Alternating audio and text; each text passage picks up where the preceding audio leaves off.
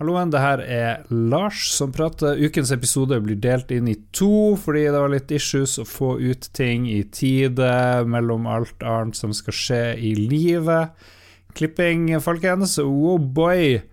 Eh, det kan ta litt tid. Ståle Baldvinsson tar seg av del to, som kommer eh, kanskje i morgen-ish. Vi får se. Setter stor pris på eh, all hjelp og, og støtte der. Ståle Baldvinsson, ukens helt, uten tvil. Blir en ganske fin episode. Fetthesten, aka Trygve Solid, er en uh, fabelaktig, kunnskapsrik gjest, men han settes virkelig på prøve av uh, Mats i en helt spesiell uh, del av del én. Lolboa 351. Enjoy, enjoy. beklager forsinkelser og alt mulig. Hei da.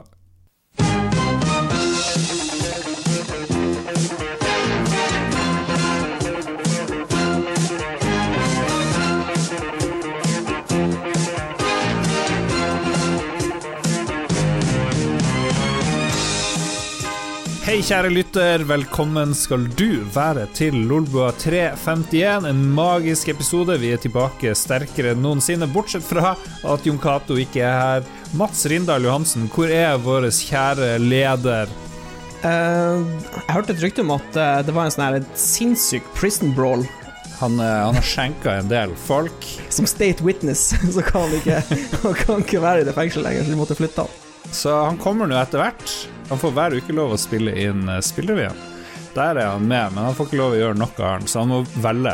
En av de kjente avtalene han gjorde med statsadvokaten for å få mildere, mildere soning. Ukens vikar er ingen andre enn Fettesten, mann med det solide nikket, også kjent som Trygve Solid.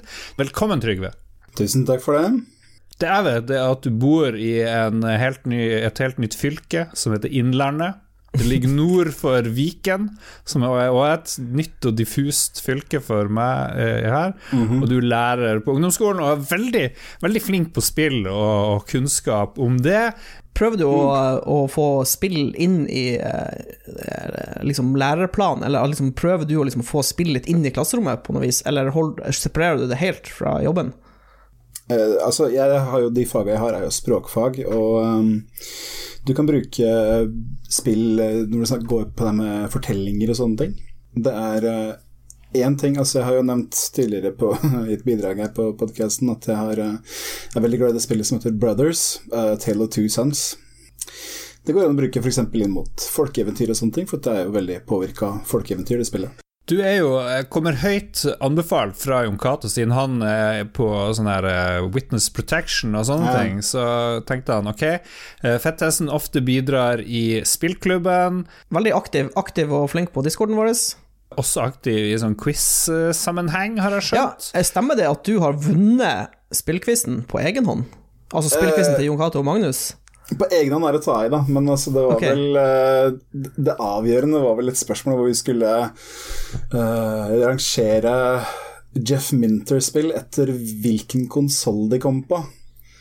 Uh, og jeg klarte å få alt rett på den, da. Så det var det, var det som var avgjørende, tror jeg. Men uansett, uansett, om du var på et lag, eller bare det å vinne spillquizen, det er legit. Til de som ikke kjenner til det, spillquizen til Jon Cato og Magnus er, den er hard, den er hår. Det er veldig stiv konkurranse der også, så det er ingen liten bragd. Nei, det gikk veldig, veldig prestisje i det der, altså. Og det var eh, mm. Vi, vi fikk, jo, fikk, jo, en smell, da, det, vi gutta som var på det laget. Vi, for uh, fire år siden så var det jo en event på Teknisk museum hvor John Romero stilte opp. Og Da var det spillquiz i forkant, og vi gutta var veldig kjepphøye og tenkte at ja, dette vinner vi lett. Og vi, det, gikk, det, gikk, ikke som planlagt. gjorde, han dere dere om til hans bitch? Eh, ja, det var Jon bitch i så fall. til de som ikke tok det, så var det en referanse til det der eh, enorme spillet så Daikatana som han lagde, hvor de hadde en sånn eh, tosiders reklame hvor det bare sto John Romero, John Romero, is about to make you his bitch. Oh, yes. Og så viser det seg at det spillet ikke var så bra! ja. Vi skal ta og prate litt uh, mer om din bakgrunn og kunnskap, Trygve. Først og fremst er det mange som heter Trygve med to g-er. Det, det, er to g-er, og fikk, du kom med sterk kritikk da jeg skrev med én. Hvor, ja. hvor, utbredt er det her? Ja, det er veldig lite utbredt. Er, uh, jeg tror det er én eller to andre i Norge som heter akkurat det samme som meg. Uh, hmm. Altså både for og etter han. Og han ene, Grunnen til jeg vet det, er for at han ene hadde et uoppgjort uh, lager på Kongsberg som han hadde leid. Og da fikk jeg en sint telefon en gang, så jeg måtte prøve å si at det er ikke Det er feil mann, feil fylke, men uh, hvis, hvis, det bare er snakk om to-tre stykk som har det, så er det bare én ting å gjøre, og det er å dukke opp i et garasjeanlegg med et sverd og bare rope, rope ut navnet deres. yes. Hold opp.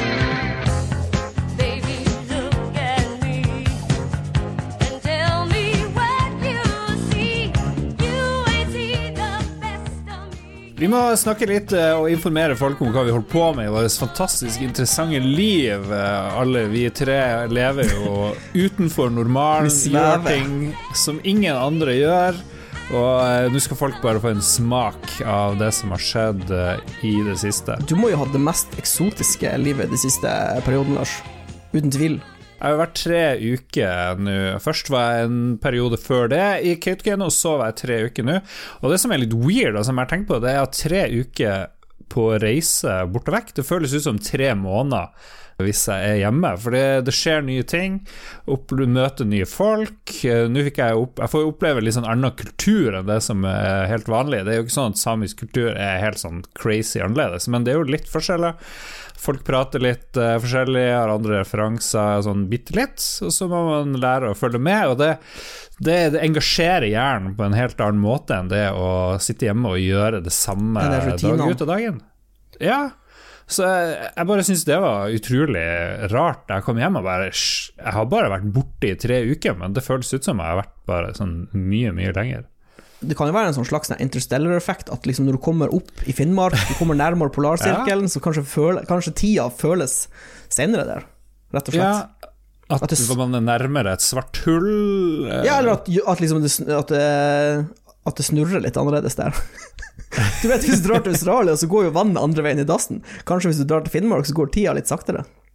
Jeg vet ikke, jeg bare lanserer litt teorier her. Man liksom, ja. Vi snakker science i Lolbua som vanlig. Jeg leste i avisen her at det var snakk om For nå var jo Troms og Finnmark ble jo slått sammen til et fylke. Yes. Og så Nå er det snakk om at de kanskje skal rives opp igjen eh, etter valget. Og så leste jeg noe om at Alta og noe greier skulle bli joine Troms. Er det, er det opprør der oppe nå? Hvordan er stemninga på bakken?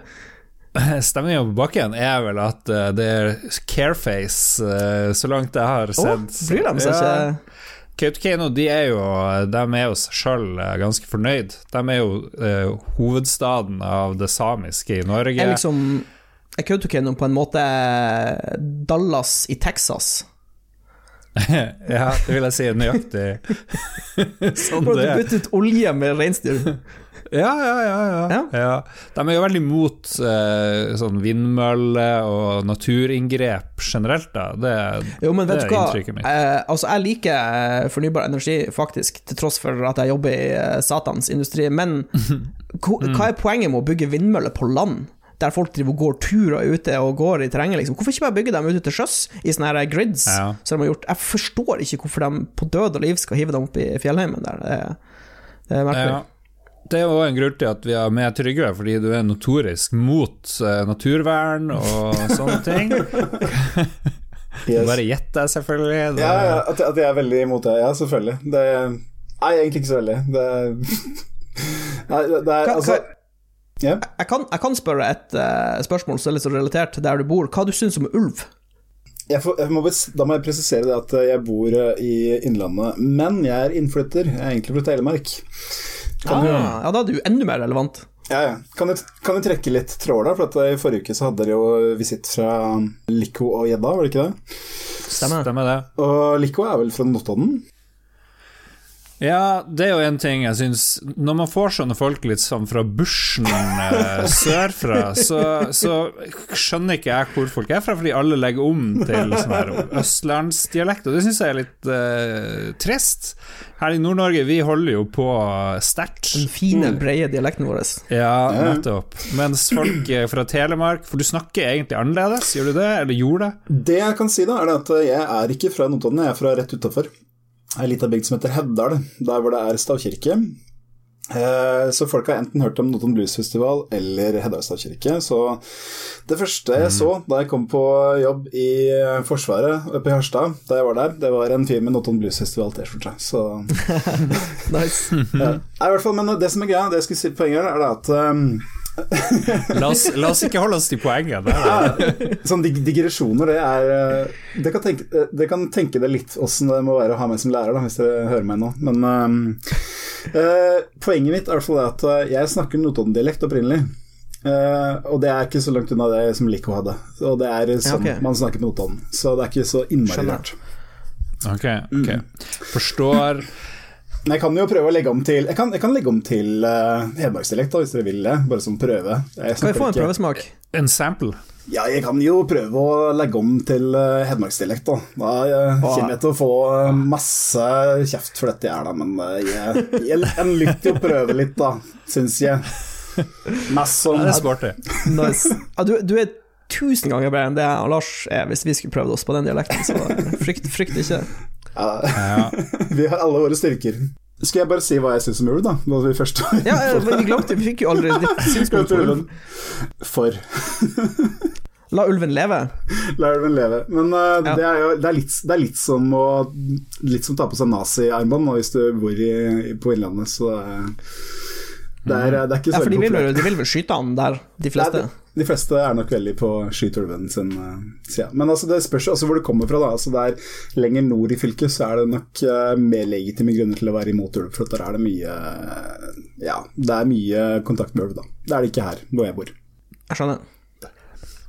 Jeg har, sett, eh, jeg har hørt om folk som ferdes nært bjørn oppe i Finnmark. Det er jo noe vi slipper her på Vi er jo på en øy, Ja. stor øy eh, her oppe, og der er det ingen ulv, så vidt jeg vet, og ingen, eh, ingen bjørn. Men noen steder inne i Finnmark så går du tur, og så bare Å, shit, her kan det være bjørn. Jeg, jeg tror ikke jeg hadde tort å fære ut og styrt på hvis det var liksom bjørn rett i nærheten. Jeg tenker altså, hvis, hvis, hvis jeg hadde bodd en plass eh, hvor det var vanlig med bjørn, og eh, jeg skulle ferdes på tur, så hadde jeg seriøst tatt med meg en revolver på tur, liksom. Bare for å ha en sjanse. Du er jo en gunman, kommer rett fra rangen, Mats. Vi kan jo hoppe rett til deg. Du, du har endelig fått lov å slippe ut i det fri og fyre av våpen. Yes! Hva er det første Mats gjør når jeg slipper litt koronarestriksjoner i Harstad? Jeg drar opp på skytebanen.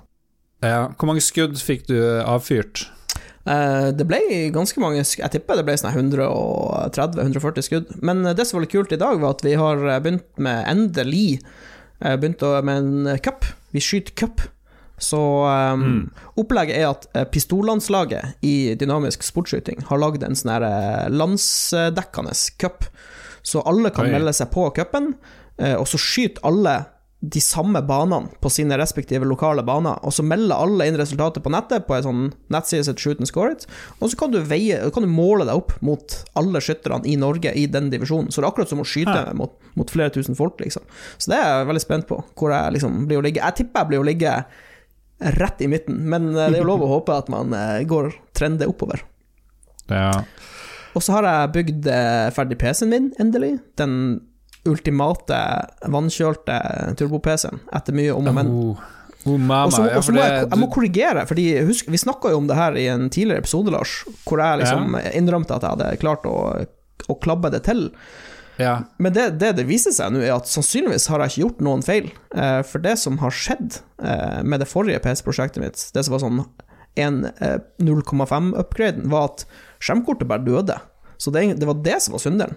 Så det har blitt sendt inn eh, i retur til eh, der jeg kjøpte det fra, og så har de funnet ut at det har bare daua, så jeg blir å få et nytt kort eh, tilbake, faktisk. Ja, kan du komme med noen eh, saftige specs, hvis vi legger på noe romantisk musikk akkurat her? Hva hva er innmaten vi snakker om? Eh, det er en Intel i9 10 900 K eh, CPU. Oh. Og så er det Nvidia GeForce RTX 3090 GPU. Og alt er selvfølgelig i vannblokker og vannkjølt, og det er ja, top of the line. nice. Gratulerer. Er du en uh, PC-kis i tillegg til alt annet, Trygve? Uh, jeg må vel svare ja på det, da. Jeg er li- litt misunnelig, for at eh, jeg, da Nvidia lanserte de nye 30-korta sine, så satt jeg på jobb, og jeg satt og niklikka på refresh-knappen på nettleseren. Og hadde spart opp penger og skulle bestille. Fikk lagt inn bestillinga, og alt var i orden. Og forventet dato er fortsatt ute i juni, altså. Så jeg venta siden september i 2020. Eh, Oh, dette. Var dette fra Komplett? Dette er fra Komplett, ja. Eh, 3070, sikkert. Eh, 38. Eh, Asus eh, TUF er det vel. Så, Nei, det, det virker genuint som 3080 er de som er vanskeligst å få tak i. oh yes, det det tror jeg nok. Mm. Det er for det var sweet spoten, ikke sant. Det er liksom, du har venta med å oppgradere. Du, de vi som ikke gadd å oppgradere til 20 kort, vi eh, skulle ha 30 kort. Alle sammen. Ja, altså, jeg, jeg, jeg skulle jo egentlig ikke ha et uh, 30-kort sjøl, for jeg hadde jo et eh, 2080 Ti som har tjent meg veldig godt. Uh, og så var det jo det som plutselig klikka. Uh, men når det ble sendt inn, så innså jeg at dette kommer til å bli en superlang prosess. eh, som blir å ta sikkert månedsvis. Så eh, jeg kjøpte meg et eh, 3090, da, siden jeg hater penger. Men det som er litt morsomt, det som er litt morsomt nå, er at jeg syns jo det kortet var dyrt eh, i februar, eller hva det var, men prisene går jo bare opp og opp nå. Det er jo hårreisende hva som egentlig skjer med, med PC-deler PC nå. Du er jo ikke ukjent å, å plukke opp ulike konspirasjonsteorier, Mats. Fins det noen eh, konspirasjonsteorier på dette området vi bør kjenne til? Eh, ok, jeg har liksom Jeg har tenkt litt på det, fordi det du ser nå, er at Nå ser jo Nvidia og alle de her guttene at ok, eh, vi kan bare sette opp prisene på kortene. Folk blir jo kjøpe det uansett.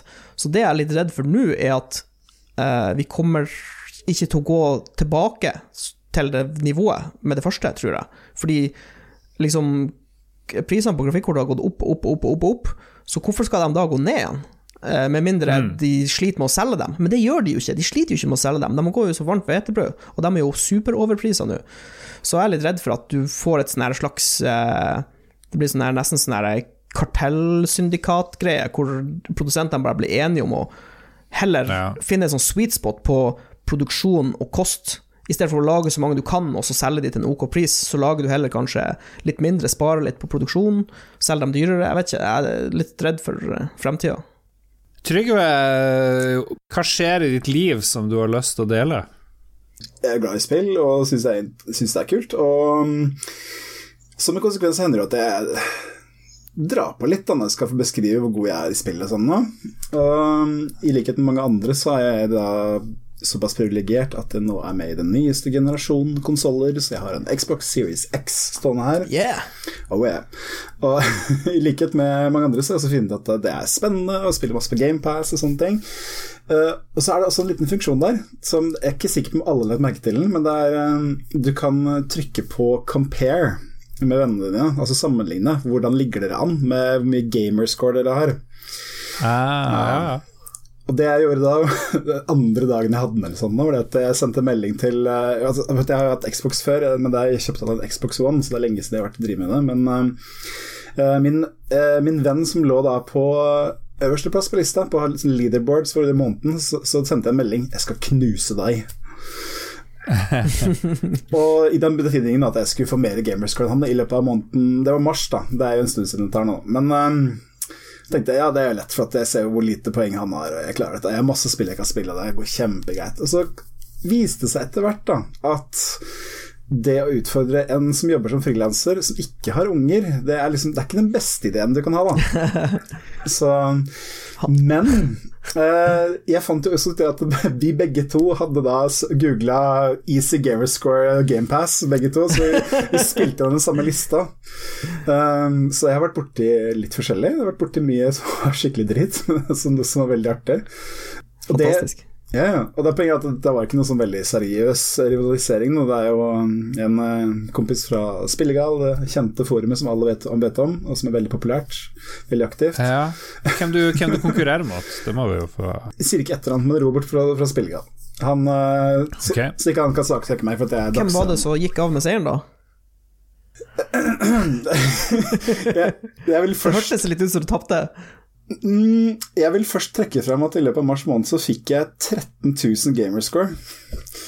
uh, Men det var ikke nok til å vinne. det var ikke nok. ok, er litt, får du eh, 1000, men får du 1000 poeng for et sånn standard fullprisspill, er det det? Eh, du, får, du får 1000 for de aller fleste spill hvis du tar alle gymmens men det er noen som har flere. Ja, okay. det er noen ja. som har mer, da. Så, sånn som uh, jeg tror Rare um, Collection eller Rare Archives eller hva det heter, det tror jeg har 3000 nå. Det er, og det er litt forskjellig. Men um, ja, 1000 er liksom det du kan forvente da, fra et basic spill. Så da har Faen, det er jo ganske imponerende. Egentlig, på en måned, eller under en måned, kanskje. Ja, det var, et par av dem som ikke var helt legit. da. For eksempel så er det Subnautica er jo et bra spill. Eh, det vet jeg ingenting om, for at jeg bare brukte console commands og bare juksa meg til 1000 gamerscore, men What?! det tok, og det tar, det tar, det tar ca. 20 minutter å jukse seg til 1000 gamerscore i det spillet, som det er ment å spilles i 70-80 timer. Ja, for du spåner bare inn ressurser, eller whatever du trenger, liksom. Ja, Du spåner inn det du trenger, og så teleporterer du dit du skal, og så bare bygger du den store romraketten, og så er du ferdig med spillet. Hæ. Hva er, hva er ellers easy, easy scores for de som er ute etter det? Eh, jeg kan nevne et som heter hva det heter, Fractured Minds. Det er eh, det, De fleste vil vel egentlig slite med å kalle det et bra spill, men jeg likte det på en måte, fordi at det var veldig kort. Eh, veldig lett å få 1000 gamers grey. men eh, ettersom jeg forsto, så er det laga ei ganske ung jente, som da på en måte har laga et spill om sin opplevelse av angst. Og brukt, på en måte gjort det om til en spillopplevelse. Og det er, eh, det er ikke noe action, det er ikke noe sånne ting. Det er bare liksom bruddstykker og litt sånn fortelling og sånn. Det er ikke, det er ikke sånn veldig Det er ikke polert, akkurat. Det er nok ikke Jeg tror ikke det koster så mange tusenlapper å lage det spillet, men eh, det er verdt å prøve det, rett og slett fordi det er kort. Det er liksom, det er liksom unikt. Det er, det er en egen, egen sånn eh, opplevelse, da, som jeg ikke har vært borti så mye før. Så det var ålreit nok.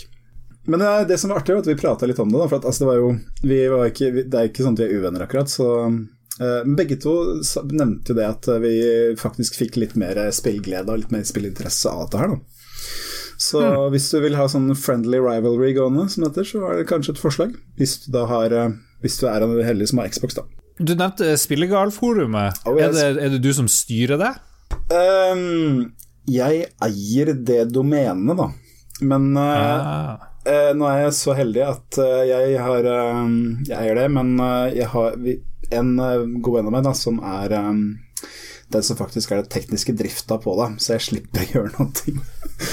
Det er okay. Jeg kan også si at Svilgal per i dag er ikke noe aktivt forum. Det er en sånn liten tidskapsel. Det er en sånn møteplass for uh, vi få som fortsatt henger der og Du ser, du ser det Jeg har jo også masse sånne spillforum jeg har hengt på i årevis, men du ser nå liksom gradvis at det liksom skyves over på Discord, og så blir det mer forumene sånne arkivbaserte greier. Hvem du overtok uh, Spillegal fra? Jeg tror dere har møtt ham før. Det er en ja. uh, viss uh, Philip Fløgstad. Oi! Oh, yeah. Mhm. Så vi må jo supporte Spillegal. Shout-out til Spillegal. det, er, det, er, det er ikke så mye å supporte, egentlig. Det er, det er, eh, det er bare for å, at vi fortsatt skal ha det, og møtes der. Vi få som fortsatt bryr oss. Ok, så du vil egentlig ikke ha noen nye brukere inn der? Jeg tror ikke de nye brukerne vil være på Spillegal. Det, er det, er- det er så internt og så lite mottakelig for, for eh, nye folk, så det er Nå fikk jeg, okay. fikk jeg enda lyst, mer lyst til å, å være der. Ja, ja, ja. Det er så, altså jeg sier jo ikke at eh, alle som hører på nå må lansere sånn trolleraid på spillegal.no, men eh, jeg sier ikke det. Det gjør jeg ikke. All right, da vet dere hva dere skal gjøre, folkens. Det blir en travel tid for administratorene på spillegal.no.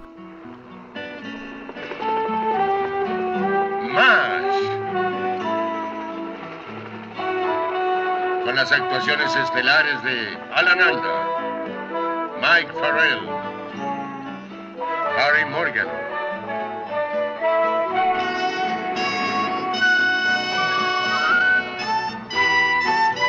Da har vi kommet til en Price-spalte, og jeg har engasjert Håkon Puntervold spesielt til denne episoden fordi vi har noe som het, og det tror jeg er den første spalten vi hadde kanskje ever i Lolbua, den het Quiz med Quizmasteren. Og siden vi har en sånn um, eh, fyr med kunnskap som spenner fra Stillehavet og Middelhavet og all the way, så må vi jo teste det. Og konkurrenten blir ganske enkel, tipper jeg. Det er Mats Rindal Johansen.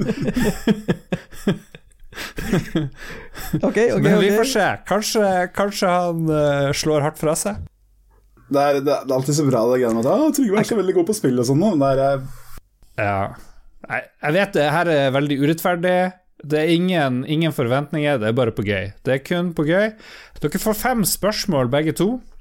Ja. Det fins noen bonusspørsmål òg, som er en fast greie på eh, onsdagsquizene. Jeg tror det er sånn annenhver nå på Lolboa sin discord. Bli med der, veldig gøy. Spørsmål nummer én, er dere klar? Oh, yes. Skal, vel, skal vi svare på samme spørsmål, eller hvordan fungerer det her? Eh, dere skal svare Du får lov å svare først, konstant, Mats, for jeg tror ikke du kan det her. Ok. er det spillrelatert? så, Det er spillrelatert. Oh, shit. det er sånn, det er sånn Ja. liten, uh, liten sånn loophole der. Da. Hvis eh, Mats kan det jeg ikke kan, så må du si ja, det var det Mats sa. Ja, ja, ja men det, det går bra. Det går bra. Ok, Mats. Ja. Hvor mange connector pins er det på en NES-kart? Er er det, det på den disketten du sta- stapper oppi? Ja, den cartridgen du stapper Ok, oppi. å herregud, det må være ganske mange. Eh, Cirka 23. Cirka 23. Veldig godt eh, svart. Har du noe annet Sannsynligvis svar flere, der? men jeg, jeg angrer Ja, det er sikkert jeg vil sikkert det dobbelte, men vi sier 23. uh, jeg tipper 32. Tipper 32. Jeg husker ikke. Jeg, jeg kan gå bort og telle, men eh, det er kanskje litt juks. Eksperten eh, tar ledelsen med en gang. Det er faktisk 72 Ja. connector What? pins det på så en mange? Ja. Det er det. Holy shit. I was way off! Siden du var nærmest, eh, Trygve, du får et bonusspørsmål. Hvor mange er det på en Famicom-kart? Nei, jeg tipper at det er eh, Da tipper jeg kanskje 64, da. Oi! 60 pins! Ah. Veldig godt uh, gjetta. Uh, Mats Jo, Håkon Puntervold er veldig opptatt av uh, NES cartridge her. Hva man må gjøre for å gjøre en uh, Nes regionfri? Uh, hva du må gjøre med, med nesen? Ja, med nesen, ja. ja. Det hadde ikke noe med cartridgen å gjøre. Jeg tenkte feil. Jeg har jo aldri eid en nes, så jeg vet ikke. Altså, det er snakk om pall eh, og det andre. En, nei, jeg vet da faen. Eh, du må sikkert eh, bytte Jeg vet ikke. Du må sikkert bytte posisjon på noen sånn her en, en, en sånn loddebolt eller noe sånt. Altså du, at du flytter et sånn loddepunkt fra, fra et til et annet, eller et eller annet sånt, hvis jeg skulle gjette. På kretskortet. Jeg føler at du er, du er sikkert inne på noe. Hva sier fetthesten, aka Trygve? Eh, jo, um, dette, igjen, dette er ikke noe jeg har sjekka ut, men jeg vet jo det at uh, NES, eh, denne regionsbeskyttelsen, det er jo da en um, det er en sånn lockout-chip som de har i eh, maskinen, som da må på en måte Den sender ut signaler som da må besvares av en chip på kassetten. Eh, og hvis ikke den mottar riktig, eller hvis kassetten ikke, får riktig, så starter ikke spillet. Men eh, for å gi et svar, da. eh, det er vel det å sette denne chipen ut av spill. Så, som er en greie. Men Ja. akkurat hvordan, det har ikke jeg prøvd noen gang. Eh, det, det er så nært. Jeg føler Mats eh, var jo inne på, inne på på noe her òg. Ja, du er inne på noe, men svaret er da fra Håkon fjerne eller klippe den fjerde pinnen i lockout-chipen. Det har de da funnet ut, men du var jo absolutt inne på det, Trygve. Gir deg Dette er Trygve sitt enda poeng. et poeng. Han, han, han, han visste jo faktisk at det var en chip det var snakk om. Jeg var ikke klar over at det var en chip som blokkerte, som blokkerte på regionen. Skal vi se, vi bare hopper på eh, spørsmål tre, tenker jeg. Uh, Mats, Jo, Mr. Gimmick er et av de siste spillene som ble utgitt til Nes. Og eh, alle, alle spørsmål her handler om Nes. ok, kan jeg bare si at jeg aldri har eid en nes? Ja, det har ingenting å si. Det er tough luck.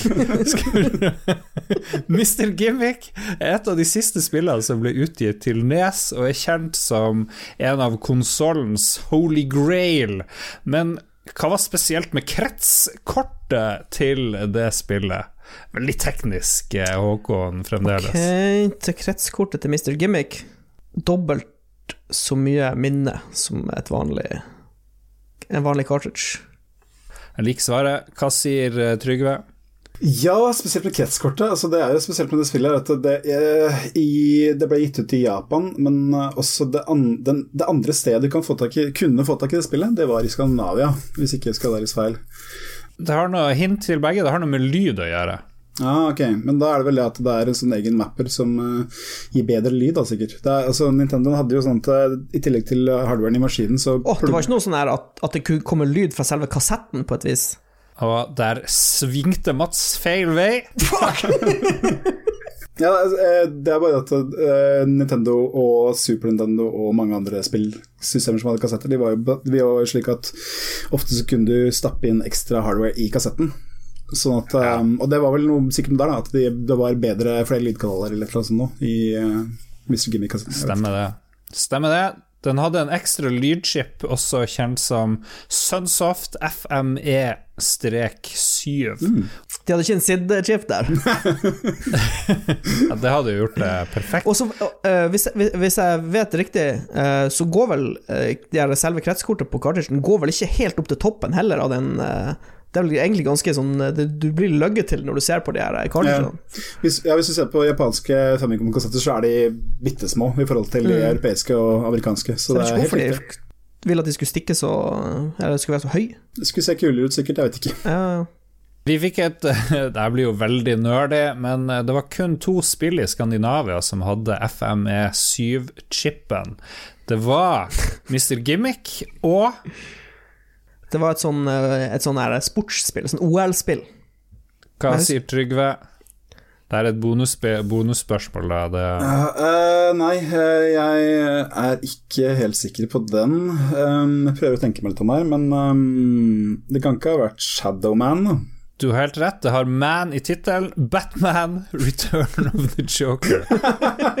Ah, Blir det igjen poeng til Trygve? 25. dels poeng på den her, da.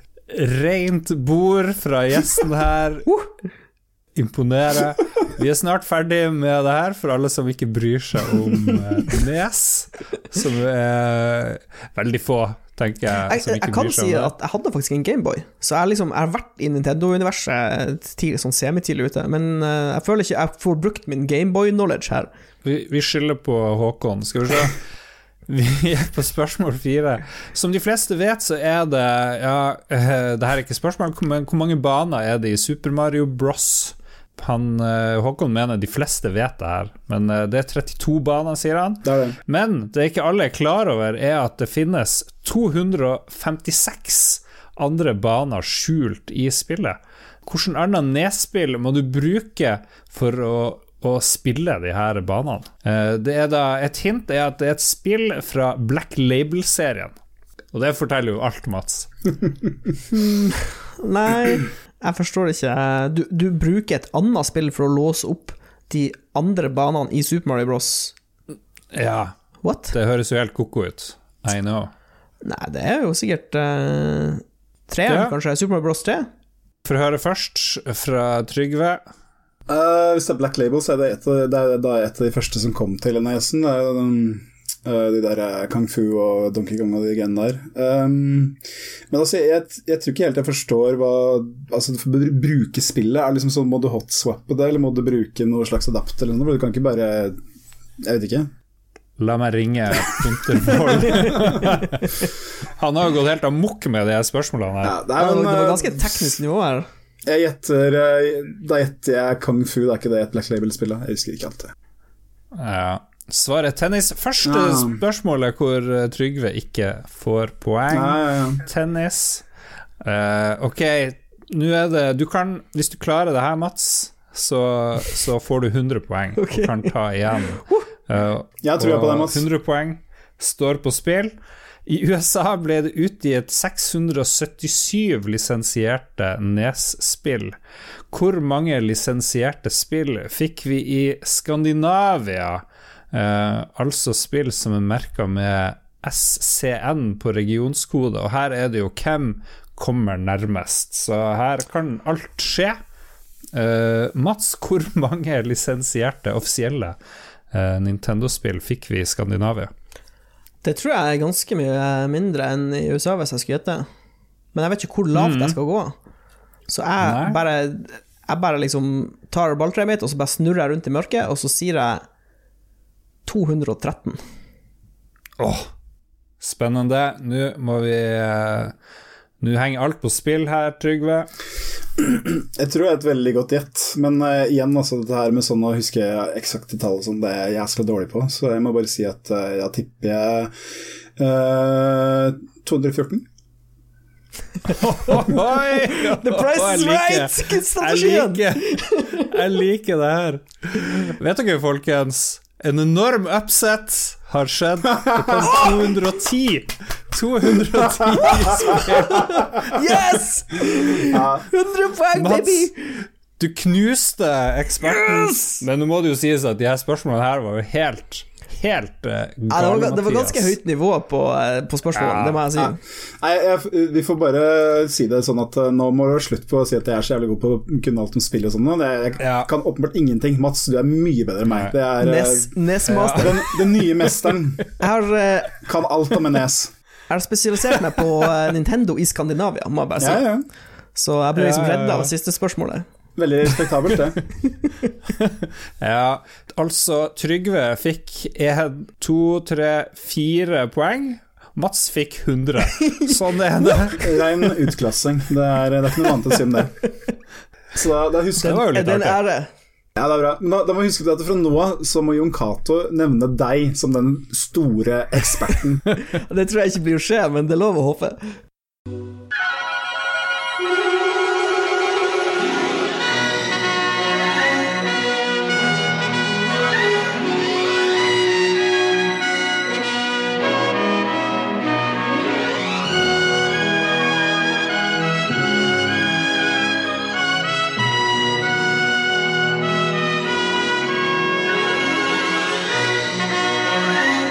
Vi går videre, folkens. Vi skal snakke om hva vi har spilt siden sist. Og eh, Mats, du har vært litt ute og reist eh, og, og styrt. Har du fått spilt noe når du har vært uh, ute på Nordsjøen og pumpa olje?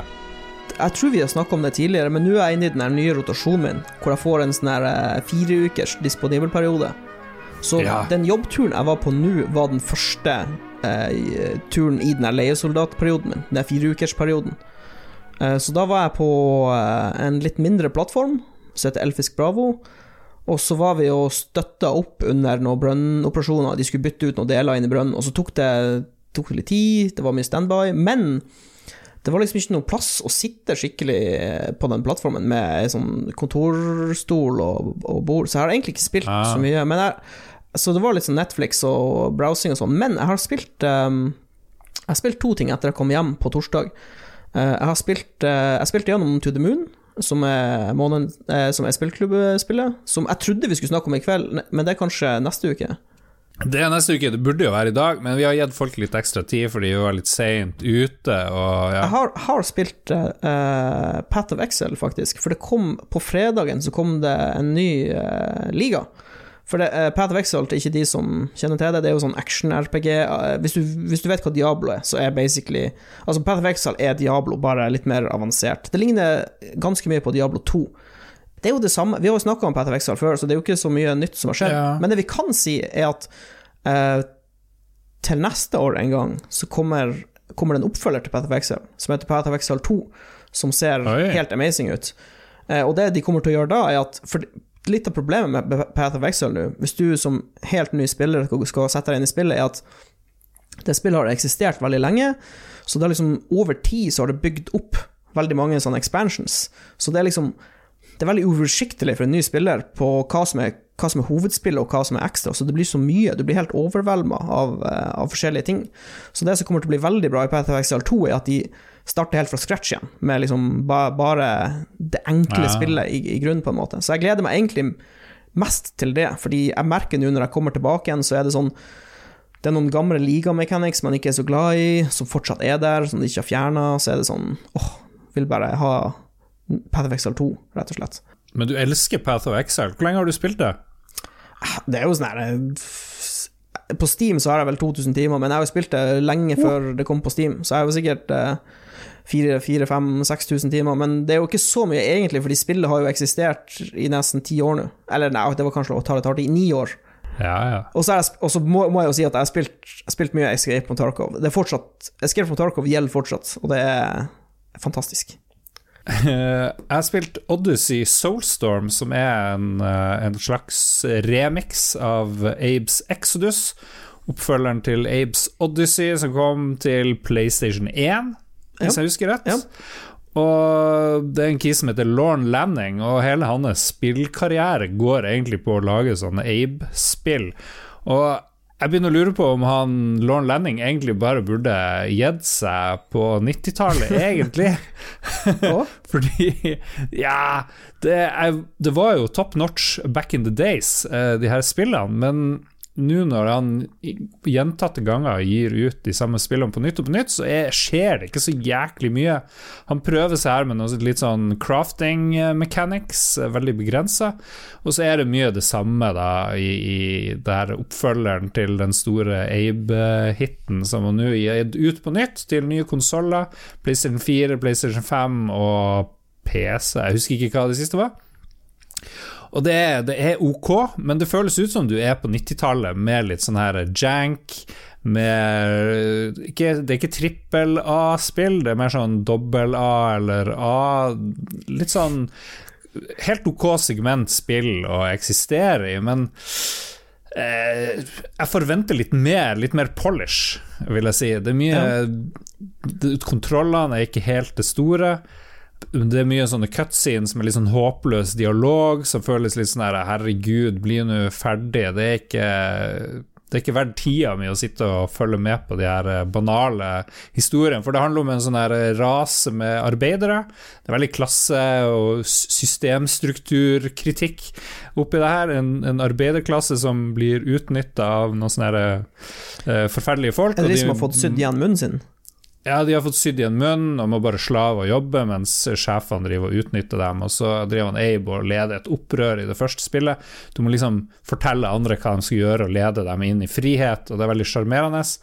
Og så fortsetter det her, da. Abe har klart å føre en hel gjeng sånne mudokons, eller hva de heter, i, i, inn i trygghet, men så tar det av, og så må de flykte igjen. Og så jeg vet ikke, jeg klarer ikke Jeg tror ikke jeg klarer å spille så mye mer enn de her uh, halvannen timene jeg har spilt, fordi hvis du skal For det er egentlig et 2D-spill, da, men nå har de gjort det sånn sus- eh, pseudo-3D, hvor du ser det litt fra sånn andre vinkler, men det, du kan bare gå opp og ned, og til høyre og venstre. Og så har du en del abilities uh, hvor du kan manipulere omgivelsene og løse puzzles. Men alt, alt tar mye lengre tid enn det skal, Å gå opp og ned plattformer er litt sånn vanskelig, for de har ikke polisha det spillet godt nok. Springer rundt, ser ut som de, det er gjort av noe sånn en skoleklasse som driver og lærer å lage spill. Det er litt Vi er litt der, da. Og jeg har veldig lyst til å like det, fordi jeg elska Abes Odyssey da det kom, back in the days, men nja, nja, nja, nja. Det er jo gratis, da. Og når jeg til og med er misfornøyd med et gratisspill på PlayStation Plus, så sier det jo kanskje litt. Jeg vet ikke, Var det noen av dere som spilte noen av de her spillene? Eh, Jeg har eh, spilt eh, Strangers Wrath, som er um, det, kom, det, kom på Xbox. Ja, det var en FPS, var det ikke det? Jo, det var det. FPS det var litt Nei, det var vel bare FPS, ja. Og det, det, det som er kult, var at det, de hadde gått all in på den derre eh, altså at du Det var liksom ikke et vanlig FPS. Du skulle måtte jakte på små insekter og sånn, og så måtte du legge ut åte, du måtte lure byttet ditt og Altså, det, all ammoen din var levende vesen og sånne ting. Det var ganske crazy. Ja, det er jo en nyvinning, for så vidt. Mm, det er egentlig ganske mens kult. de andre spillene Ja, mens de andre spillene er mer 2D. Så jeg skulle heller ønske at de gjorde noe nytt og brukte tid og krefter på å gjøre noe annet enn å remake et helt ok gammelt spill i en sånn litt skittig form. Og det har fått mye sånn seks av ti, syv av ti. Eh, jeg syns de er ganske snille, de som gir noe mer enn seks av ti, altså. Det, det er nå mitt inntrykk. Så ok, hvis du får det gratis, eh, kjør på, men jeg ville aldri brukt penger på det her spillet. Nei, Bare kjøp en PlayStation 5, så får du det gratis. Eh. Trygve, hva du har uh, brukt tida di på i det siste? Ja uh, Bortsett fra én million. Nei,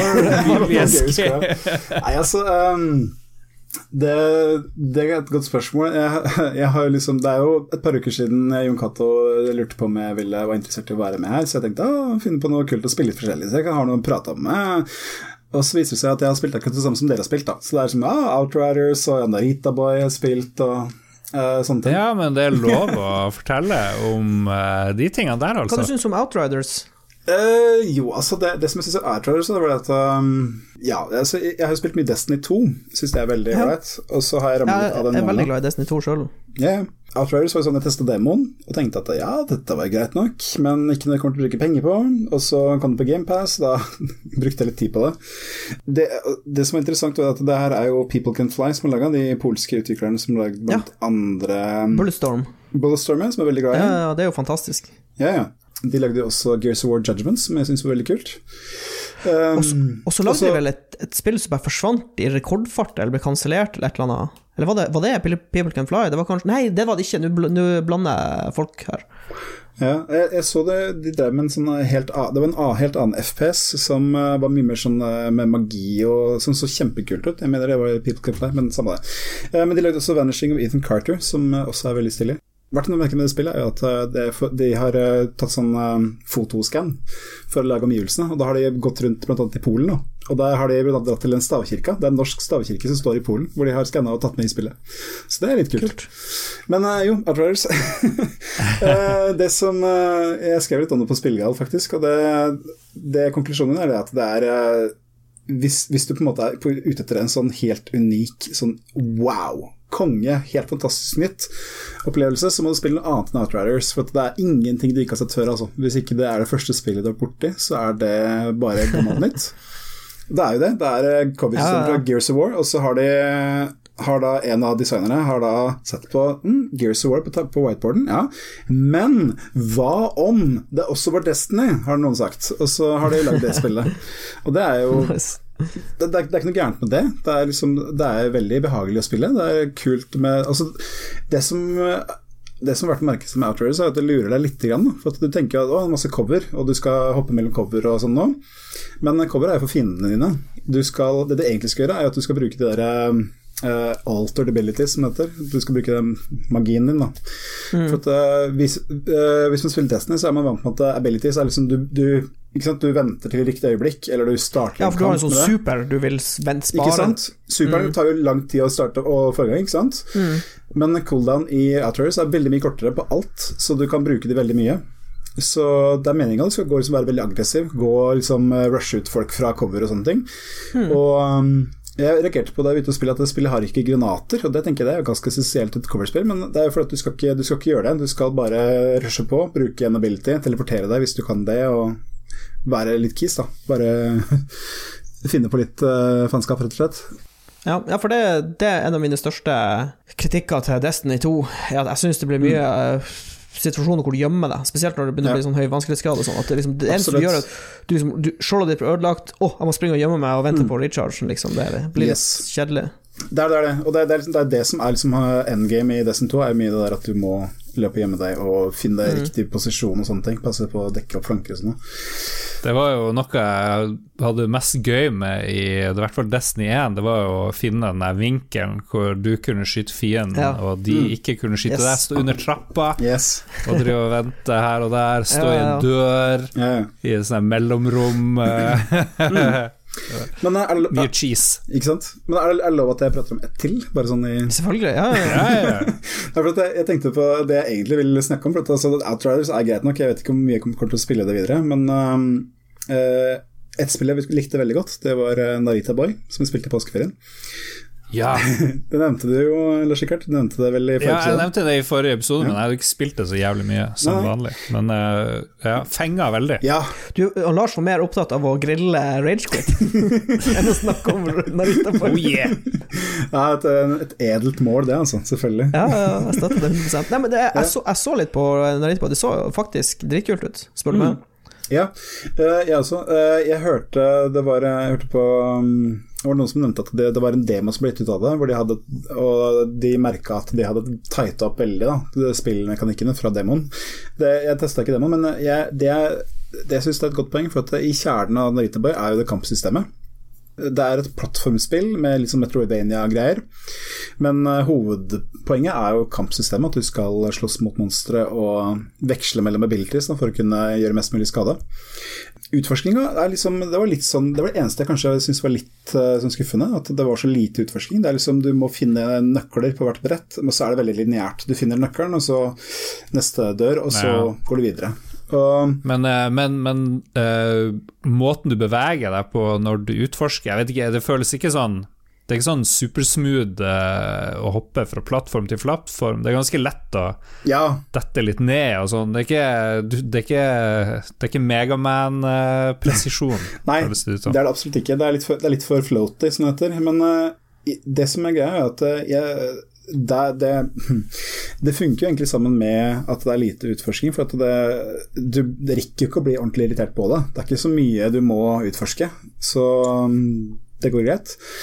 Ja, det, det, det jeg ville trekke frem der, var jo først og fremst det at um, eh, kampsystemet er veldig sånn smooth, og du får, liksom, du får dodge, du får uppercuts, du får eh, alt mulig sånn forskjellige kule knep. Og det minner meg mest av alt om eh, Hyperlight Drifter, som kom ut på Ja. PlayStation 4, Xbox One, PC, Switch og alt annet, tror jeg, for en del år siden. Uh, 2015 kom det ut. Um, og det Den generasjonen, altså det, det året var det vel, så var jeg liksom kontraktfesta til å si at Dark Souls 3 var favoritten min, for at det er Dark Souls 3, men Hyperled Drifter er vel egentlig det jeg har gått mest tilbake til i det, fra det året. Så det er eh, et av de beste spillene jeg vet om. Fantastisk musikk og grafikk, og det sånn sett minner det jo om uh, Narita Boy Mm. med sånn grafisk stil, litt på et vis, da. Absolutt. Det er, det, det, du kan si at uh, jeg, jeg leste også det at de spanske utviklerne av Narita Boy De har jo gått veldig inn for at det skal være Det var liksom litt sånn De var inspirert av Ready Player One, da, som er en forferdelig bok, men en ålreit film. Og Lars er helt enig. Jeg har prøvd å lese Ready Player One flere ganger, og jeg kommer siste gang så kommer jeg til å begynne å prate om Thundercats. Jeg bare Hva faen er dette for noe? Og så må jeg bare lukke boka. Nei, men eh, Jeg liker, liker den første boka ganske godt, men oppfølgeren den er helt. Jeg- jeg- jeg- tre sider Du må, bare, du må bare ta Ready Player One for hva den er, liksom. Det Ja, er ja. en ganske useriøs bok, liksom. Hvis du, hvis Ja. du klarer å sette deg inn i mindsetet, så er den Da vil jeg si den er ålreit. Det er jo en hyllest til, til spill og film og Ja. Det er det. Men det er, det, det er klart, altså er, jeg, bare, jeg er litt sånn allergisk mot den eh, måten den er skrevet på. Det er det. Ja, den er dårlig skrevet, det er jeg helt Oh, 100 yes. enig. Det, det, er det, det er det få som kan forsvare. Ikke sant. Men eh, det, det som er grunnen til jeg nevnte det, var jo fordi at eh, jeg syns jo det at Narita bare gjør faktisk mye mer ut av det utgangspunktet enn Ready Player One. da. Eh, jeg syns det var ganske interessant, for at uh, altså Premisset er jo Vi kjenner det fra Tron og sånne ting, altså der datamaskinverden har blitt levende og du må inn og redde dem. Uh, men eh, jeg merka meg det at at eh, Rammehistorien i spillet er at du Du har en sånn skikkelse som kalles for The Creator, som da er en sånn dataprogrammerer som som har um, laga hele, hele denne verden, hele dette universet. Og så avdekker du gradvis hva som er livshistorien hans. Og for det første så er det jo det at det er en ganske ålreit fortelling. Den, den, har altså Jeg skal ikke spoile det, men eh, du ser slutten kommer langt unna. Men er, den klarer likevel å treffe en ganske fin eh, balanse der. Med at det er en ålreit avrunding. Og så syns jeg det var veldig fint at Eh, Det handler jo da dypest sett om altså en eller annen psykisk lidelse. Det kan jo være depresjon, det kan være eh, ja, litt sånne ting. Altså at man på en måte har en tung tid, da, men så man, hvordan man klarer å komme seg ut av det. Så det går an å se det som en metafor der. Da. At du kan, eh, det, er liksom, det går litt på med psykisk helse. Så jeg syns at de har gjort en veldig god jobb med historien, selv om den ikke er så veldig sånn detaljert og veldig utbrodert. Så likte jeg den veldig godt. Så, Ja, men kult. Jeg har spilt veldig mange spill hvor du driver og henter frem minner av en eller annen grunn. Det er litt, eh, merkelig. Men eh, ja, det er jo koselig, da. Ja. Å finne Gå gjennom et liv og finne sånne små øyeblikk Ja. som betyr noe. Det er, det er en grunn til at det er så mange spill som bruker det med å hente fra mindre, og det er fordi det er verdens enkleste setup en historie. Å ja, du har hukommelsestap, da må vi finne ut av hva som har skjedd.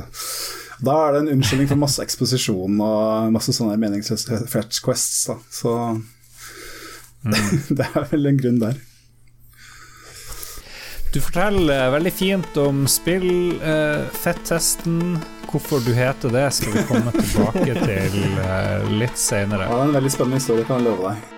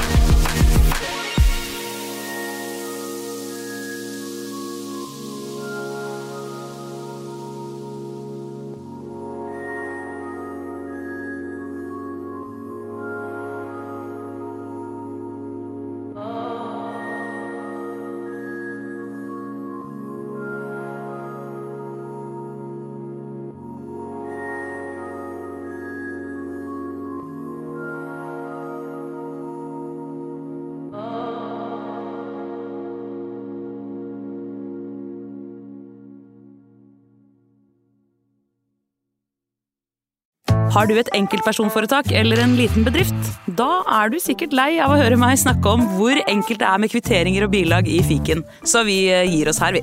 Fordi vi liker enkelt. Fiken superenkelt regnskap.